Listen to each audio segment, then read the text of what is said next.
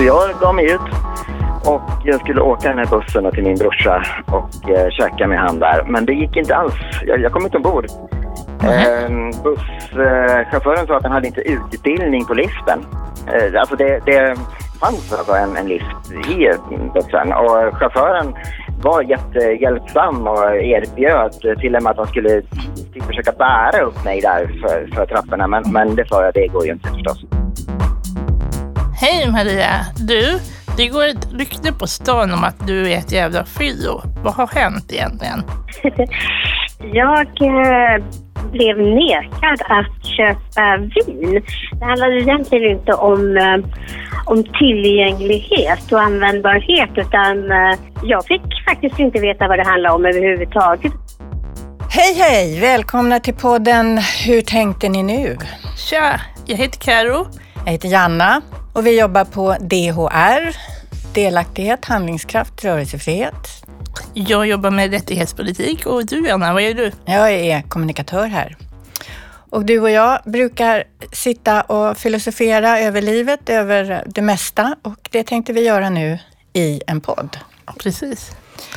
En av de frågor vi har jobbat längst med på DHR är ju det här med tillgänglighet och användbarhet. Det är ju ganska luddigt om man inte jobbar här. Vad betyder det egentligen? Alltså enkelt sagt så ska man väl säga att det handlar om att komma till och kunna använda den miljön precis som alla andra gör utan att behöva tänka efter. Du ska inte behöva tänka på om det finns trösklar och, eller hissar eller en toalett som det fungerar att gå på utan du ska kunna komma in och så ska du göra det du hade tänkt göra där. Om det är handla eller göra läkarbesök eller gå på bio eller vad det nu kan vara. Och det är egentligen enkelt sammanfattat vad det handlar om. Mm. I den bästa av världar så ska det funka. Precis. I den bästa av världar funkar det inte. Nej. Alltid. Det gör ju inte det alltid här i Sverige. Nej. Så vi ringde upp Maria. Hej Maria. Hej Anna, hej Karo. Hej Maria! Du, det går ett rykte på stan om att du är ett jävla fyllo. Vad har hänt egentligen? Jag eh, blev nekad att köpa vin.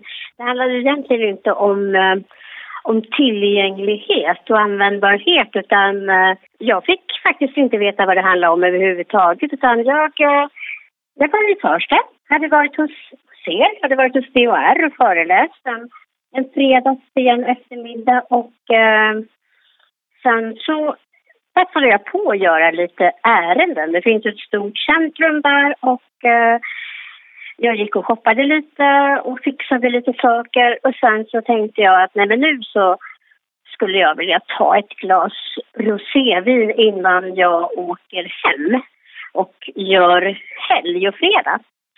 Ehm, och då gick jag till ett ställe som ligger mitt i Farsta centrum och eh, bad att få beställa ett glas rosévin. Och samtidigt som jag sa det så liksom var det nästan som att jag bet mig själv i tungan för jag tänkte att de har inte, de har inte rosé här Maria.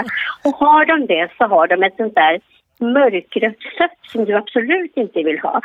Så att därför blev jag först inte alls förvånad när han liksom började skaka på huvudet den här bartendern och han, han låg och skakade på huvudet och viftade med händerna och då så tänkte jag nej men då beställer jag ett glas vitt vin istället.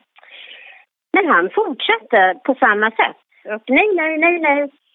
Eh, och jag förstod att han ville helt enkelt inte servera mig. Men han sa inte Eh, varför och det- eller någonting, utan han bara Nej. sa nej, nej, nej. Ja, precis. Han bara sa nej, nej, nej. Att det gick inte, det gick inte. Han, han visade med händerna att jag skulle gå därifrån, att jag inte var välkommen. Och det var jätte... Ja, det var en jätteotäck, märklig, absurd upplevelse. Eh, och jag försökte argumentera lite, jag försökte fråga vad det var han... Varför han inte ville servera mig. Jag bad att få prata med någon ansvarig. Frågade efter chefen. Han sa att han var chef där. Då försökte jag prata med en tjej som stod tillsammans med honom i bardisken. Hon tittade mig inte ens i ögonen utan bara undvek helt. Ehm, och jag förklarade då väldigt... Efteråt så är jag ganska stolt över att jag lyckades hålla mig så lugn. Det, det var liksom, allting gick i slow motion kändes det som. Och då förklarade jag det att det här kommer jag anmäla som diskriminering. För det är inte okej att på det här viset neka någon. Eh, för jag misstänkte ju ändå, även om jag inte eller om jag inte ville tänka tanken och jag har faktiskt aldrig varit med om den upplevelsen på det viset så tydligt så fanns det ändå där att nej men det är nog för att jag använder rullstol som han inte vill servera mig. Mm. Så jag gick, där, jag gick därifrån, jag vände mig om och tog en bild för att komma ihåg namnet ordentligt på stället. Jag försökte prata med ytterligare en personal på vägen ut men det var, det var samma sak där. Hon vägrade att att prata med mig. Eh, hon tittade mig inte i ögonen och liksom bara helt ignorerade. Eh, och när jag vände mig om för att ta den här bilden av skylten för att komma ihåg stället. Och sen efteråt så har jag ju tänkt att det var ju väldigt bra också för att då fick jag ju tid, klockslaget har jag ju på den där bilden. Mm. Eh, så duckade den här mannen bakom, bakom disken ner liksom, bakom en, en en ny gäst som hade kommit där till, till disken och satt sig. Och då så tänkte jag att det var för att han inte ville vara med på bild. Mm. Eh, men eh, alldeles strax så kom det två vakter. Så då förstod jag att han hade ju ringt på vakter för lilla mig. Va? Nej men på allvar, ringde han efter vakten? Han ringde efter vakterna. Okej. Okay.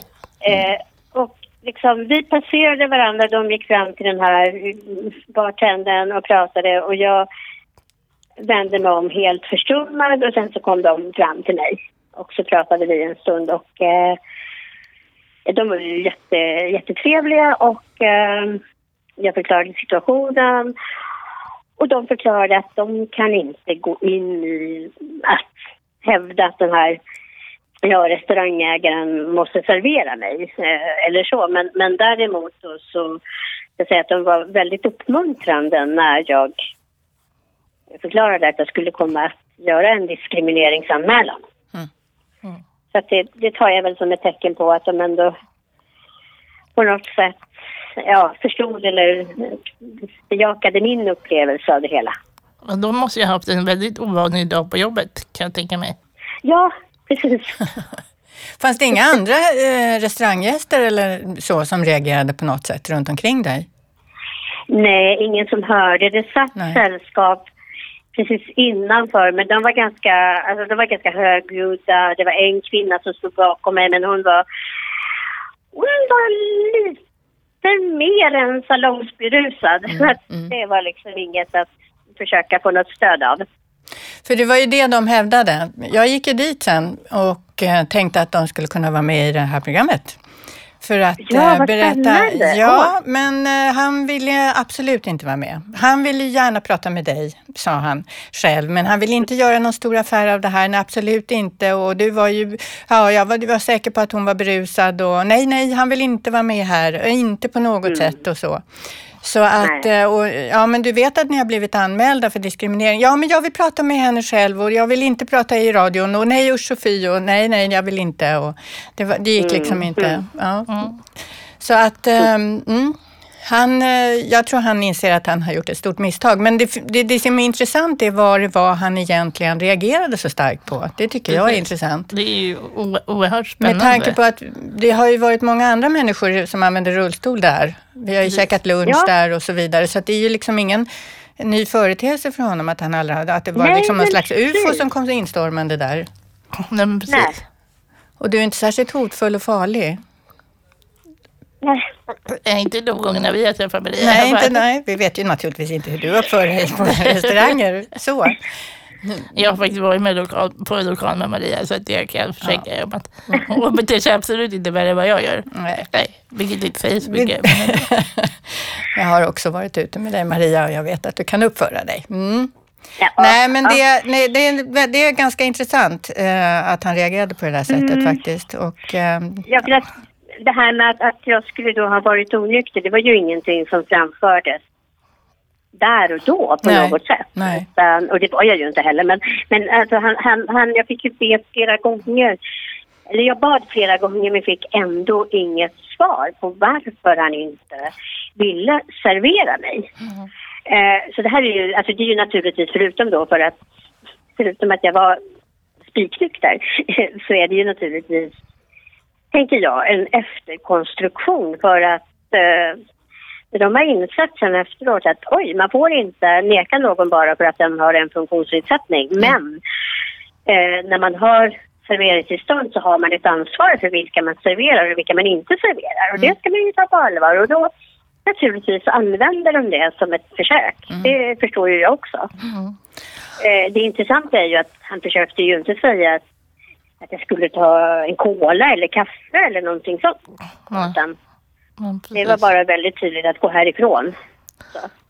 Men du Maria, vi är jätteglada över att vi fick prata med dig och att du ville vara med i vår podd så att vi kunde få höra din berättelse. Vi tror att det är viktigt att folk får höra sin, äh, din berättelse och också dela med sig av sina egna. Får jag, skicka, får jag säga en sak till? Mm. Ja, Gör det. gör det.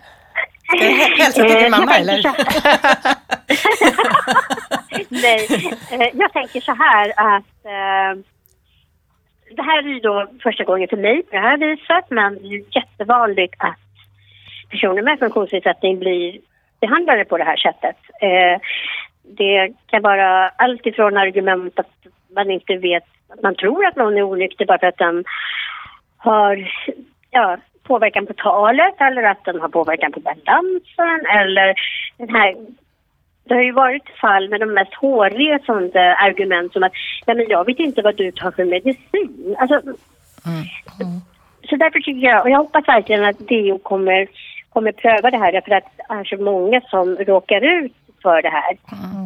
Eh, och sen då i vanliga fall så blir jag ju van vid den diskriminering som bristande tillgänglighet ger.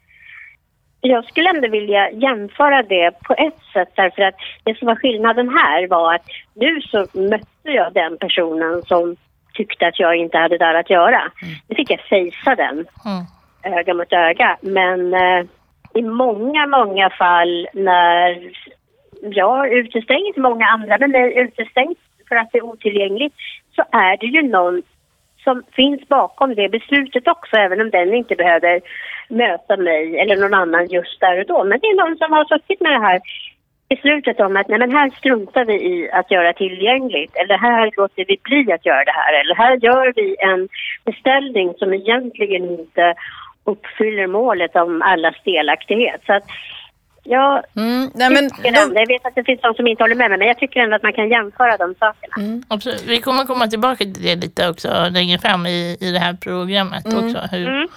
eh, kommer vi komma in på sådana frågor som liksom, gränssnitt. men stort tack för att du vill vara med. Tack till er, vi hörs idag. Ha det gott, hej! Hej då. Det är laddat det här med alkohol, eller hur? Det är väldigt laddat. Det påminner mig om eh, eh, när jag var i USA och med mina kompisar och satt i baren och, och, och dricker och så kommer den här kvinnan fram till mig och säger att Gud, du är- du är så himla fantastisk som, som orkar ta dig upp på morgonen varje dag. Och först, jag tittar på henne och sen så förmodligen för att jag är lite onykter så säger jag bara till henne så här, ja, vet du, jag tycker faktiskt att du är ganska fantastisk som klarar av att komma upp på morgonen också varje morgon. Eh, och då tyckte hon att det blev lite jobbig stämning att jag inte bara tyckte att hon var så här glad och trevlig och, och, och tyckte att det var härligt att vi båda är så duktiga utan att jag blev lite förnärmad av, av, av hennes framfart. Men det, det, ja, det, jag tycker att det är lite intressant det här med hur man, ja, det som Maria säger att det är första gången hon möter det så direkt. Ehm, eh, för det gör man ju inte annars, utan då blir det liksom omskrivningar runt omkring och det är någon annan och det är liksom det här. Men att, det, att det finns en människa som använder rullstol och som också har lust att dricka ett glas vin eller två och som vill uppföra sig eller bete sig som vem som helst. Alltså det verkar så himla laddat och svårt. Ja, och det är också så en stor skillnad mellan alltså ändå det här med när det blir ett, eh, en diskriminering gentemot dig som person och, och när det blir det här som handlar om eh, tillgänglighet och användarhet och brister i det. För det är ju liksom ett fysiskt hinder, även om det är som Maria sa, en person bakom det beslutet också så är det ingen, ingen människa du möter då utan det är ett hinder du möter och, och det, det talar till dig på ett helt annat sätt. Det är en annan form av utestängning. Mm. Lars-Göran var ju med om just det. Precis. Eh, så vi ringde upp honom. Hej. Hej! Kul att prata med dig. Eh, Detsamma. vi tänkte höra lite med dig. Du försökte åka buss en nyårsdag här för något år sedan. Vill du berätta mer? Exakt. Jag skulle hälsa på min bror. Det var 2 januari 2015. Eh, Jag har ju bil och körkort och så, men precis den här gången så hade frugan min bil för att hennes bil var på lagning.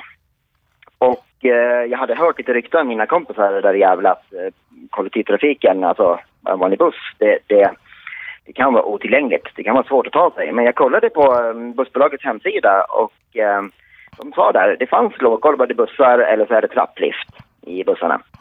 Så jag gav mig ut och jag skulle åka den här bussen till min brorsa och eh, käka med han där. Men det gick inte alls. Jag, jag kom inte ombord. Eh, busschauffören sa att han hade inte utbildning på liften. Eh, alltså det, det fanns alltså en, en lift i bussen och chauffören var jättehjälpsam och erbjöd till och med att han skulle typ, försöka bära upp mig där för, för trapporna. Men, men det sa jag, det går ju inte förstås. Nej. Men, men ehm, eh, han hade ingen utbildning på liften och jag ansåg därför av säkerhetsskäl eller så att eh, nej, han ville inte. Han tyckte inte att det gick inte. Han, han, eh, föreslog mig att om, om typ två timmar då kommer det en annan buss och den är låggolvad. Så han tyckte då- att du skulle vänta där i två timmar i januari på nästa buss? Eh, Tågstationen är ganska precis bredvid där den här busstationen är. Så han var ju införstådd med att det var januari och det var kallt och snö. Så han föreslog att jag kunde gå in där och värma mig om jag tyckte att jag frös. Det, det, det var ju snällt, men, men eh, nej. Det hjälper inte Jag dig att, det hjälper inte dig att komma hem till din bror. Egentligen. Nej, precis. Nej. Så att jag åkte hem istället och var lite arg på detta och kände att eh, kanske att jag har eh, drabbats av en eh, diskriminering utifrån den nya, eh, den här tillgänglighet som en ny diskrimineringsgrund om och skickade in en anmälan till eh, Diskrimineringsombudsmannen på det. Okej. Hur gick det då?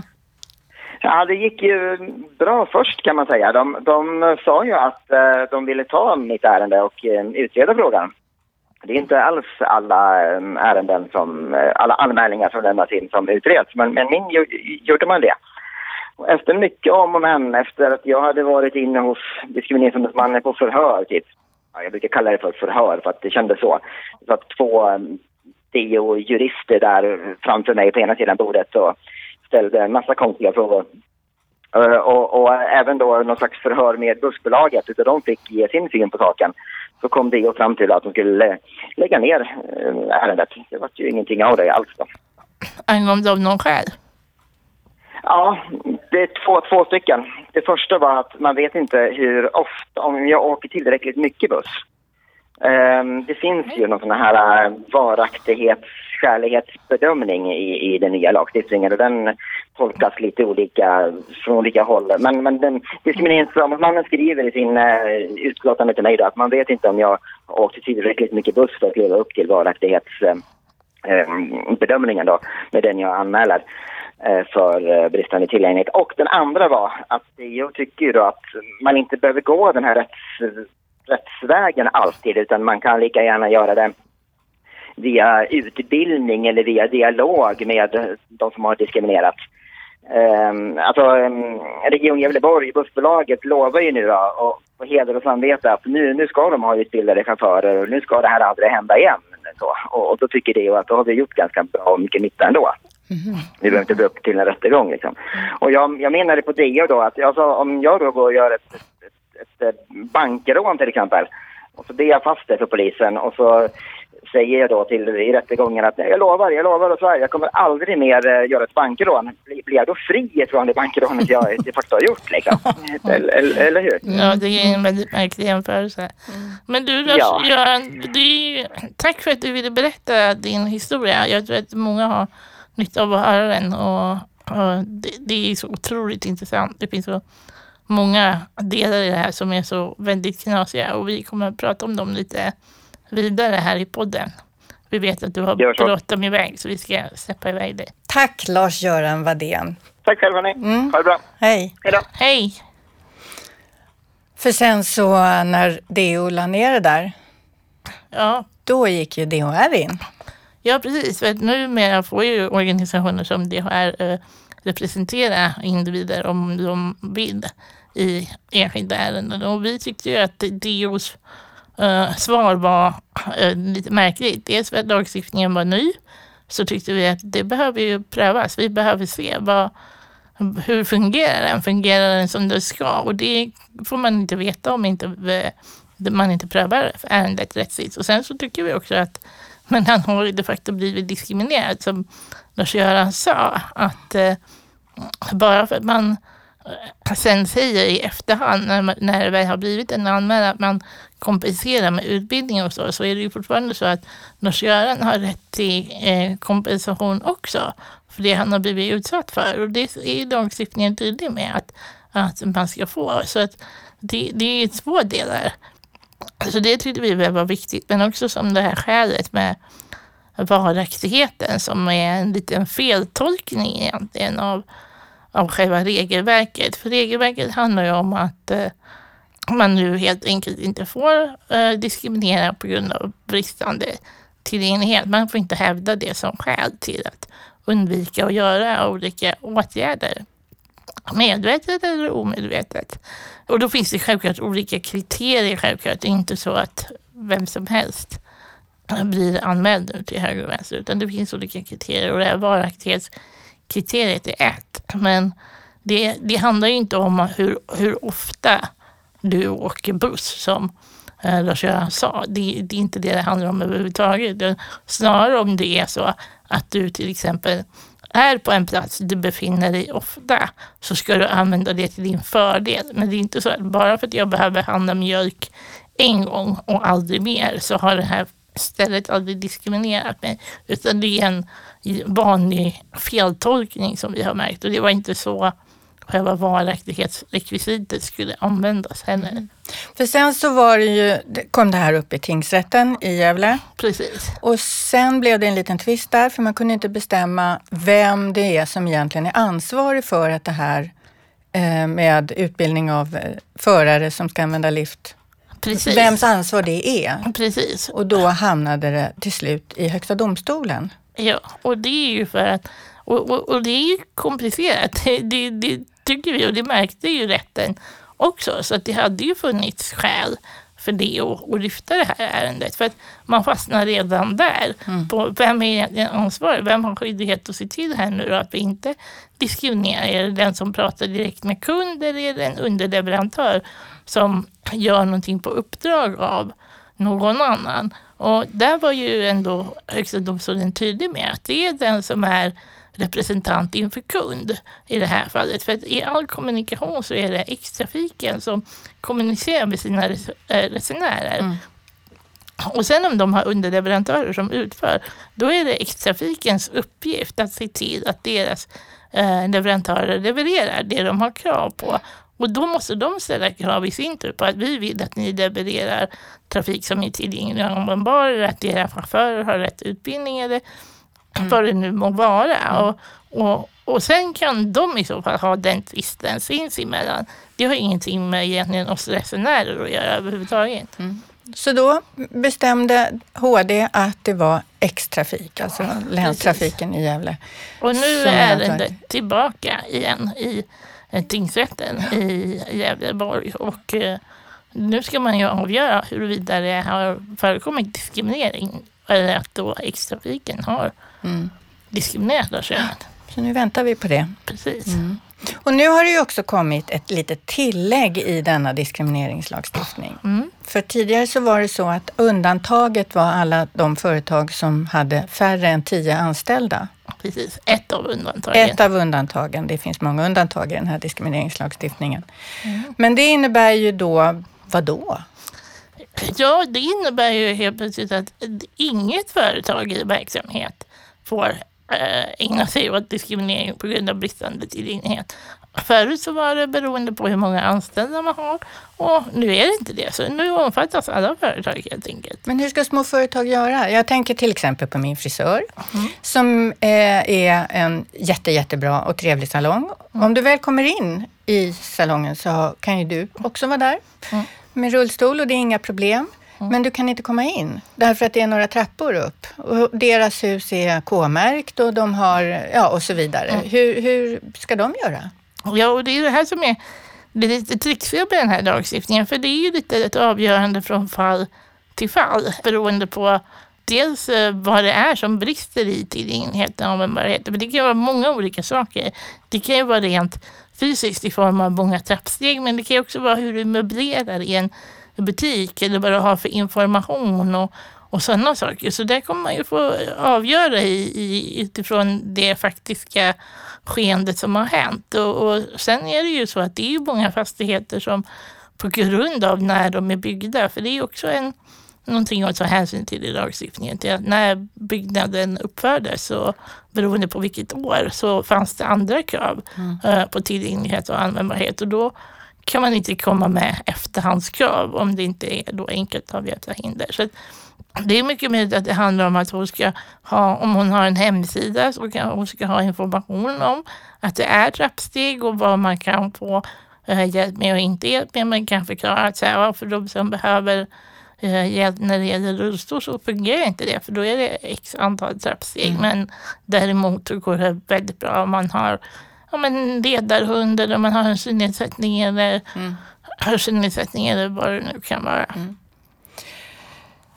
Det är då, om nu du skulle vilja i alla fall använda min frisör för att hon är så himla duktig.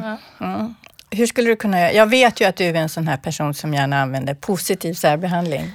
Varje dag säger du att du gör det. Eh, vad betyder det? Uh, varje dag? Oj. Nej, det gör jag kanske inte varje dag. Men eh, jo, men så är det väl. Alltså, uh, om folk är dumma nog och behandlar mig annorlunda på grund av att jag har en rullstol så är inte jag dummare än att jag använder det till min fördel. Och nu i, i Sverige är folk ändå ganska medvetna, ganska många, uppenbarligen inte alla fick vi höra här av Maria, men mm. många är det. Men mm. jag reser ju ganska mycket och, och, på mina resor så är det ju väldigt vanligt till exempel i den mm, amerikanska kulturen att man ger människor företräde enbart på grund av att de uh, sitter använder rullstol. Och, och, det har jag nyttjat frikostigt. Mm. Att, så här, i, I köer i sådana här stora parker eller i, eh, på evenemang och så här, då är det ju milsvida köer. Men så ställer man sig lite och ler mot, mot någon som jobbar så kommer man ju genast få en Kom, kom, kom, här så ska vi leja dig före. Kom här, följ med mig bara. Då är ju inte jag långsam och inte haka på. För då får man ju gå förbi hela den här mm. Kön och sådana saker. Mm. Men sen eh, liksom, kanske jag i princip väljer att inte göra det i andra sammanhang där jag tycker att det är viktigt. Eller i min, i min profession som företrädare för DHR till exempel så skulle jag aldrig göra det. Mm. För att då, då handlar det också om att vara tydlig med att nej men, varför ska jag behöva hela tiden uh, ha, ta en annan väg? Mm. Um, någon annan som också har pratat om det här med, det är ju Ken. Det är vår chef. Vår chef Ken, ja. ja. Kan vi inte ringa och fråga ja, honom? Ja, men vi ringer och pratar med honom, för han har faktiskt en ganska rolig historia om det. Yes. Mm. Hej, hej. Jo, nej men visst, de var yngre och rörde sig mera ute i nattlivet så upplevde man, upplevde man ju det flera gånger att, att man skulle inte ha krok till exempel. Så kunde man ta med sig en kompis och gå frågorna. Ingen ställde någonting frågor om ålder eller så. så det var bara att gå in. Ingen, ingen vågade egentligen ställa frågan att, att liksom, hade man ett lite många år på nacken för att komma in överhuvudtaget. eller så kunde det också vara liksom så att man kunde gå förbi kön också. Det hände också. Både, både jag och kompis. Och det är sådana här saker som man egentligen idag pratar för. Jag skulle, ja, jag skulle till exempel känna mig väldigt, väldigt liksom eh, obekväm om, om en vakt skulle säga till mig att, att gå förbi kön. Då känner jag att nej, det, det skulle jag inte göra. Men, men ja, då var det Men då var man yngre och, och, och gjorde så. Ja. men du, gör, du skulle aldrig göra det idag? Inte i något sammanhang? Nej, in, inte egentligen. Det skulle, jag- det skulle jag inte göra om, om det inte skulle vara så att, att liksom, det är den enda vägen till exempel in, att det finns två vägar in till något ställe eller så vidare och, och man måste gå en, en annan väg för att komma in och, och på det sättet gå förbi kön. Då kan jag tänka mig det och det känns också liksom sådär Mm. eftersom egentligen, egentligen vill jag ju att man ska kunna gå in där av andra. Men det här med positiv särbehandling, kan man använda det för att man ska liksom få fördelar om, någon, om man, eh, ja vad ska jag säga, om man ska bli snabbare serverad på en restaurang eller att det är någon som ska tycka synd om mig så att man får fördelar och sånt. Kan du använda det någon gång? Har du gjort det? Alltså, säkert kanske det händer. Det, det, jag, jag ska inte utesluta att det händer. för- Men, men liksom, det är inget som jag, jag liksom medvetet registrerar eller medvetet försöker, försöker utnyttja idag. idag för det, det, jag blir väldigt obekväm med den situationen idag. Jag, jag känner att, liksom att min utgångspunkt väldigt mycket idag är det att, att, att eh, om man om, om jag kräver att jag ska bli behandlad lika som alla andra för att vara jämlik så betyder det också att jag inte ska ha fördelar. Det låter ju rätt logiskt. Ja, det tycker jag låter logiskt. Det hedrar dig. Ja, men Ken, vi är jätteglada att vi fick ringa upp dig när du är i i utlandet. Tack själv, tack själv. Vi hörs. Ja, Det gör är vi. vi. Hej, hej. Det är lite intressant det här tycker jag ändå, det här med om man ska utnyttja eller inte utnyttja och hur man blir obekväm eller inte obekväm och sådär. Därför att det här handlar, vi har ju efterlyst via Facebook och lite olika ställen människor som ska komma, att vi vill ha flera berättelser. Vi vill ha berättelser eh, om diskriminering eller om, eh, ja, om LSS eller vad som helst. Men vi får inga svar. Folk gillar på Facebook och delar vidare, men det är liksom ingen som återvänder till oss och, och kommer med sin historia. Ja, alltså jag kan mig att det beror på eh, fler saker. De- Dels så tror jag att det handlar lite som eh, vi hörde att Maria har berättat för oss också om det här med att man identifierar sig inte själv som eh, en, en person man diskriminerar. Alltså, det, det, det kräver ju en del av ens självbild. Liksom. Om, om jag går omkring och tror att folk hela tiden väljer bort mig medvetet, vem blir jag då?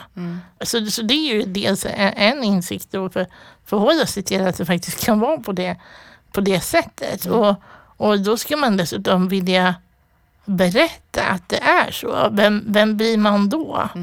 Och det tror jag är en annan sak att, att berätta det och kanske berätta att man tar för och, och sen skäms man ju också ibland för att man tar fördel av de situationerna där det går. Jag, jag kan inte säga att jag alltid gör si eller jag alltid gör så. Det, det är svårt. Eh, eh, Jag känner ju människor som är mycket mer radikala än vad jag är som, som kanske av princip mer väljer bort. Men eh, för min del handlar det om att det skulle vara så otroligt mycket jag blev tvungen att välja bort om jag inte tog den här positiva särbehandlingen ibland eller nyttjade den också. Eller accepterade en, en sidoingång och, och det är situationer jag kanske inte skulle inte vilja vara med om. Och sen för, för, självklart så kan det hänga ihop med hur viktigt det är för en där och då. Eh, mm, men jag tror att det är en av eller att det, det kan vara orsaker som gör att människor inte vill berätta och som kan också göra att man inte heller anmäler. För det vet vi också att människor anmäler inte diskriminering i, i så hög utsträckning. Och det handlar ju också om att man måste acceptera själv att ja, fast det är människor som har bestämt sig för att jag inte får vara med. Nej, men sen är det ju också det här att alltid gå omkring och vara arg och vaksam ständigt och jämt. Ja, det finns ju de som är det Ja. jämt, jämt, jämt. Men eh, det verkar ju ganska eh, vad ska jag säga, energikrävande att em, leva på det sättet. Men jag, jag förstår ju det. Samtidigt som, alltså jag har ju inte den problemen i den bemärkelsen att jag har brist på, brist, bristande tillgänglighet. Däremot så när jag, eftersom jag umgås mycket med människor i rullstol så ser jag ju hur människor omkring eh, tilltalar dig eller inte tilltalar dig utan frågar mig istället eller sådana saker. Och där kan jag ju se att jag kan göra något om man säger, eller påstå eller ifrågasätta eller sådär. Men det, ja, när jag inser att det är så det är för väldigt, väldigt många. Mm. Men, men där kan jag också märka skillnad till exempel tvärtom för dig i till exempel i sammanhang av ja, men till exempel funktionshinderrörelsen och, Mm. och, och hur, hur man accepterar dig då som inte har Mm. eh, egen erfarenhet till synes kan man väl Precis. säga då. För, Mm. det, ja, för er som inte vet, och det ser man inte i podden, så använder inte Janna rullstol. Nej. Och, så, så, och hur, du kanske också upplever särbehandling? Mm. Ja, men det har jag gjort, inte så mycket längre, men har, det har ju hänt vid ett flertal tillfällen att jag indirekt oftast blir ifrågasatt. Antingen att jag använder fel språk, det vill säga man har ju ett väldigt internt språk inom funktionshinderrörelsen. Eh, eller att jag eh, då inte har egen erfarenhet och därför ska jag inte kunna uttala mig på ett eller annat sätt. Sen har jag en profession som ingen kan ifrågasätta mig om med och som man behöver, eller som behövs. Och eh, sen har jag ju då kunnat vända det här väldigt många gånger. Jag menar när jag började inom den här världen så var det ju liksom ifrågasatt, vad jag än sa så var ju det fel. Jag kunde ju inte säga, min kusin hon, hade, in- hon var inte, ja och så vidare. Och det var, jag menar, allt, allt, allt, allt. Och jag fick till slut munhäfta, jag kunde inte prata. Och det blev ju ett problem eh, och då kunde jag vända det och säga att det här är ett problem. För hur ska vi någonsin kunna kommunicera med vår omvärld? Vill vi verkligen kommunicera med omvärlden om vi hela tiden rättar hur man använder orden? Eh, och det är ju min mission fortfarande, det kan jag ju säga.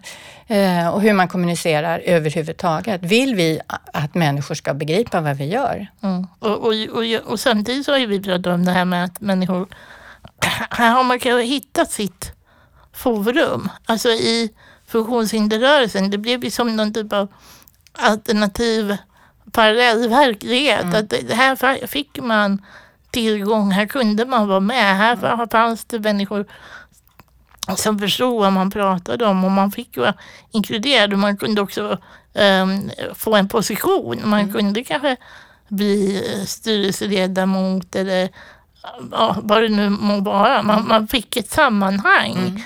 Eh, och, och sen kommer det personer och ifrågasätter det sammanhanget. Det, det kan ju ha också röra jättemycket med identitet. handlar om identitet och utanförskap och har man då eh, hade man inte blivit utestängd av samhället i övrigt så kanske man hade varit mer eh, också öppen inför att andra kan ha erfarenheter som inte är lika som dina egna. Och att de faktiskt hör hemma i de här sammanhangen också. Nästa podd tänker vi eh, prata om Ja, vi ska prata om eh, personlig assistans. Ja, Och precis. eh, ju det här i med, nu. det är ju i ropet och det har ju hänt rätt mycket på det, den fronten. Det är fortfarande ingenting som är färdigt. Nej. Men med den utgångspunkten så skulle vi så himla gärna vilja ha historier, berättelser. Och framförallt om det här med, vi har ju ett samhälle som är duktigt på att mäta och föra statistik och allt möjligt sådär. Och det här med att mäta hur länge man är på toa eller duschar eller hur man äter och alla möjliga sådana saker har förmodligen inte försvunnit bara för att man eh, tar bort besparingskraven på utredningen. Ja, eller på byter hur- en generaldirektör mot en eller annan. byter ut generaldirektören, precis. Så de historierna skulle vi vilja få in. Du så- tänker kalla det här eh, poddavsnittet från skallmätning till duschmätning. Ja, så skicka in era berättelser jättegärna. Gör det. Vi, vi kommer självklart avpersonifiera dem. Så att vill ni inte vara med så behöver ni inte. Och vill ni så är vi jätteglada för om ni vill. Och lämna då gärna ett telefonnummer så att vi kan ringa upp. Och mejla till Hur tänkte ni nu? utan prickar. Hur tanken är nu? dhr.se. Så, och gärna telefonnummer om du, vill, skulle, om du skulle vilja vara med i programmet. Mm. Ja, Karo, det här var vårt första avsnitt. Vårt första avsnittet. Jag tycker att det här var hur kul som helst. Jag hoppas att ni som lyssnar också tycker att det har varit minst lika spännande. Och vi vill ju jättegärna ha synpunkter och reflektioner och som sagt berättelser mm. från er. Så in med det till oss gärna. Hur tanken är nu? snabela dhr.se. Vi ses i nästa avsnitt. Tack för oss. Hej! Hej! Hur tänkte ni nu? är en podd från DHR. Ansvarig utgivare Janna Olsson. Hur tänkte ni nu produceras av Filt Hinterland för DHR.